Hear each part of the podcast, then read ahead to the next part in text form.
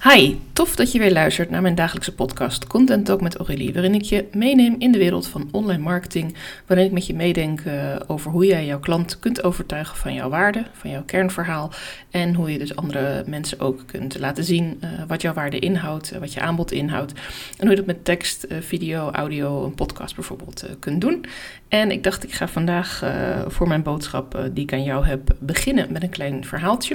Ik doe het even in de derde persoon, want dat leek me iets makkelijker. Uh, stel je voor, uh, we hebben Roos. Roos is uh, eind 20, begin 30, ik noem maar even iets. Gaat ook verder niet om.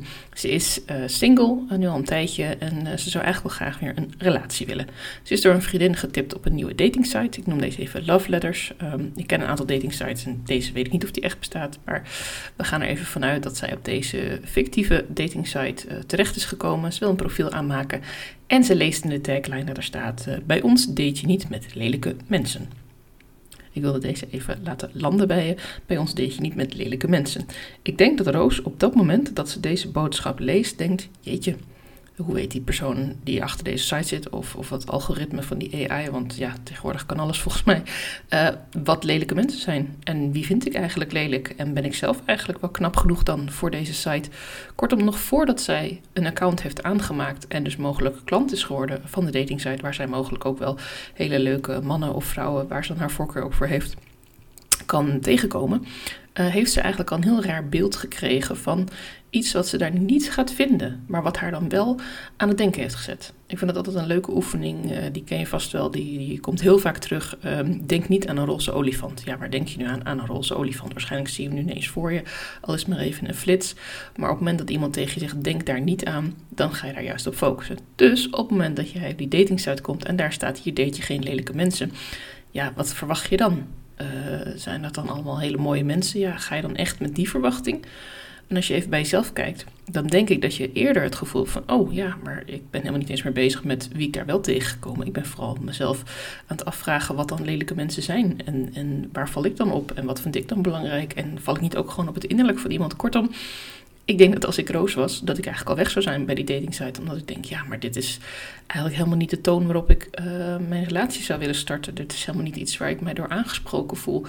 En omdat de site, uh, misschien dat de bouwer van de site de beste intentie had om te zeggen, nou, dan komen hier alleen maar hele leuke mensen. En mensen die echt bij je passen. En mensen die met een heel leuk, leuk kopie. En uh, je kunt op basis van foto's ook zien hoe iemand eruit ziet. Of daar een klik mee is. Maar dat komt er dan wel een beetje gek uit door te zeggen: uh, hier vind je geen lelijke mensen. Terwijl dat misschien helemaal niet de bedoeling is van degene die die site heeft gemaakt. Het kan natuurlijk zijn dat dit een of andere grapsite zou zijn. En, maar goed, laten we er even vanuit gaan dat de maker van deze datingsite uh, besloten heeft dat hij op een andere manier uh, klanten wil aantrekken. En op een andere manier mensen bij elkaar wil brengen. En bijvoorbeeld heel veel foto's wil gebruiken. Waardoor je in één keer kunt zien van hé, hey, uh, je, ziet iemand van verschillende kanten, misschien tijdens het sporten of uh, tijdens het uitgaan. En daardoor kun je ook een goed beeld vormen. En dan nog steeds wil je het waarschijnlijk wel met elkaar in gesprek of er ook een klik is. Maar goed, voor Roos, degene die op die website kwam, is dit natuurlijk een hele, uh, ja, een beetje jammer. Want ze wilde eigenlijk wel zich inschrijven. Ze had misschien ook een tijdje zitten twijfelen daarover. En nu wordt ze dan afgeschikt hierdoor. En de link die ik wilde maken met jouw eigen marketing is dat je soms in uh, je boodschap de neiging hebt om te zeggen wat iemand niet gaat krijgen, wat iemand niet hoeft te verwachten, wat iemand niet uh, bij jou zal vinden. Bij mij geen lange wachttijden. Bij mij geen, uh, ik veel, kou als je bij mij op de massagetafel komt te liggen.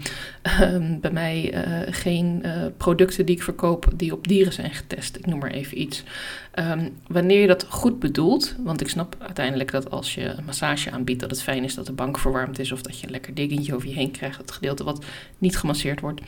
Uh, dat op het moment dat jij uh, vegan producten gaat verkopen, dat de doelgroep uh, die dat belangrijk vindt, daar ook de nadruk op wil leggen. en dat eigenlijk iedereen wat tegen dieren testen is. Dus misschien dat die boodschap überhaupt al heel erg out of date is. Um, maar wat je eigenlijk wil zeggen is: dit is het resultaat wat ik wel wil brengen. Je wil juist aangeven wat iemand wel bij jou vindt. En door die roze olifant te benoemen, oftewel hetgene wat je niet levert, denk ik dat je misschien een goede intentie hebt. Omdat je mensen wilt meenemen in, ja, hier hebben ze misschien een angst op zitten. Of misschien heb ik dit een paar keer gehoord van een klant dat ze daar bang voor waren. Weet je wat, ik neem het vast mee in mijn marketing. Maar daardoor zet je mensen juist op het spoor van, hé, hey, waarom zegt ze zoiets? Heeft ze misschien een keer uh, tijdens de massage is toen de deken vergeten? Of uh, bij mij geen lange wachttijden. Uh, is dat soms omdat ze niet zo heel veel klanten heeft? Omdat ze eigenlijk gewoon een beetje op de, uit de neus zit te vreten thuis. En eigenlijk mij heel hard nodig heeft. En nou ja, weet ik niet. waarom heeft ze dan niet zoveel klanten? En ja, wat gebeurt er dan? Niet zulke lange wachttijden? Of een andere reden voor niet zo lange wachttijden. is ze gewoon niet zo heel erg goed? Dat, dat mensen misschien vrij snel er weer klaar mee zijn. Terwijl ik juist een langer traject wil. Dus met de beste intenties van dat je iets positiefs wil zeggen over je bedrijf of over je aanbod, kun je een beetje doorschieten in dat je juist iets negatiefs zet en dat je daar soms mensen ook mee af kunt schrikken. Een tegenovergestelde hiervan is dat je te veel gaat opblazen en te mooie resultaten gaat bieden, te mooi om waar te zijn. Ik uh, hou altijd voor, uh, voor mezelf voor, if it sounds too good to be true, it usually is. Als het te mooi klinkt om waar te zijn, dan zal dat waarschijnlijk ook wel zijn. Uh, met mijn traject heb je gegarandeerd binnen 100 dagen de investering volledig terug of twee keer zoveel verdiend. als je dat als business coach tegen iemand zegt, dan heb ik al zoiets van, nou, laat maar hangen. Want iemand kan dat niet garanderen. Iemand kan mij niet garanderen dat uh, hij of zij mij zoveel inspiratie en tips geeft dat ik daar geheid een x-investering uit ga halen. Of dat ik geheid, tenzij diegene bereid is om dat bedrag zelf van mij te betalen natuurlijk. Weet je, een soort uh, uh, niet goed geld terug garantie geeft, ja, dan kun je die garantie wel geven. Maar anders is het heel raar, vind ik in ieder geval, om iemand te zeggen van ja, je gaat het sowieso zeker te weten met deze methode uh, eruit halen en, en, verdubbelen. Want je weet niet welke actie jouw klant doet. Je weet niet of diegene achterover gaat leunen en alleen maar één keer in de week met jou in de gesprekken zit en dan zegt dat ze van alles doet. Of dat hij bepaalde acties heeft gedaan. Of juist helemaal niet dat doet en gewoon verwacht dat door jouw hulp het allemaal vanzelf aankomt waaien. Um, andere dingen, als je bijvoorbeeld een dieet gaat volgen, uh, dat je geheid uh, 20 kilo af gaat vallen als je dit poedertje elke dag uh, gaat gebruiken. Ja, ik, ik geloof daar ook niet in. Want uh, wat doet dat poedertje dan? Is dat een soort vleesetende bacterie of zo? Ja, dan kan ik me niet bij voorstellen dat je daar vrij zeker van kunt zijn. Dus wees ook andersom voorzichtig met hoe je je resultaten presenteert. Met mijn hulp, met mijn coaching, denk ik dat jij een succesvolle business neer kunt zetten. Denk ik dat jij meer rust in je hoofd kunt krijgen. Denk ik dat jij uh, je sportiever en fitter gaat voelen. Uh, ik ga je motiveren, ik ga je helpen. Ik ga af en toe die stok achter de deur zijn. Weet je, dat soort termen. Dan weet iemand ook een beetje van oké, ja, dit kan ik verwachten. En als ik mezelf dan inzet, dan is dat resultaat mogelijk. Dus waar je aan de ene kant niet wil focussen op wat je absoluut niet biedt, wil je aan de andere kant ook niet liegen over wat iemand mogelijk bij jou zou kunnen halen. Het kan natuurlijk, het is hartstikke mooi, want je bent goed in je vak. Dus het zou best kunnen dat iemand twee keer de omzet eruit haalt als hij met jouw advies aan de slag gaat. Of dat iemand een uh, enorme teruggaaf van de belasting kan terugkrijgen met jouw financieel advies. Of uh, dat iemand enorm gaat afvallen omdat hij nu eindelijk eens een keer een goed levenspatroon krijgt met, met meer beweging. En misschien het stoppen met elke dag patatjes halen of, of pizza eten. Ik weet even niet. Ik overdrijf nu ook lichtelijk wat. Maar um, ja, dat zijn hele individuele uh, gevallen. En dan is het beter om te kijken naar het individuele persoon en kijken van nou, ik denk dat dit eruit te halen is. Ik denk dat dit uh, haalbaar is als je dit en dit en dit gaat doen. Dat is meer onderdeel van je salesgesprek en dat vind ik niet echt onderdeel van je marketing, omdat je uiteindelijk ook gewoon uh, een stukje eerlijk mag zijn daarin. En natuurlijk mag je beloftes doen. Um, dat je hartstikke goed bent, want dat ben je ook. En je mag ook aangeven dat jij ergens expert bent en dat jij goede resultaten hebt behaald en dat je bijvoorbeeld al twintig mensen hebt geholpen om heel veel af te vallen. En, maar dan zegt er dan wel bij dat die mensen zelf er ook voor geknokt hebben, dat die mensen ook aan de slag zijn gegaan. En natuurlijk helpt het dan niet om te gaan zeggen dat ze drie keer in de week moesten gaan touwtjes springen of dat ze alleen maar sla mochten eten of, of hoe dan verder jouw programma eruit zou zien als mensen gaan afvallen. Dat is dan weer uh, te veel focus op het negatieve. Dus er zit inderdaad een lastige balans in. En ik snap ook dat als ik dit nu met je deel, dat je denkt, ja, eigenlijk weet ik dit wel. Maar we hebben snel de neiging om dan toch door te slaan naar of uh, dingen die we eigenlijk helemaal niet willen in het aanbod te benoemen, of iets te overdreven te zijn in de dingen die mensen bij ons kunnen behalen, omdat het zo ongelooflijk lastig is om op die balans te blijven. Maar uiteindelijk win je dat het meeste aan als jij je klanten gewoon eerlijk kunt vertellen wat je voor ze kunt betekenen, waar jouw kracht ligt, uh, wat jouw, uh, echt jouw kern is, waar je mensen gewoon heel gelukkig mee kan maken, waar je mensen een opgeruimd gevoel mee kan geven, beter in iets worden, afvallen, wat dan ook het thema is waar je in zit, door een bijdrage te leveren aan het resultaat en dat dan te benoemen. Daarmee krijg je een heel duidelijk en eerlijk marketingverhaal naar je klanten toe. En ik wil je daar ook heel graag bij helpen, want ik snap hoe belangrijk het is om die balans te houden en ik snap zeker hoe ongelooflijk lastig het is. En ik beloof ook niet dat ik die balans in eerste gesprek meteen voor jou eruit ga vissen.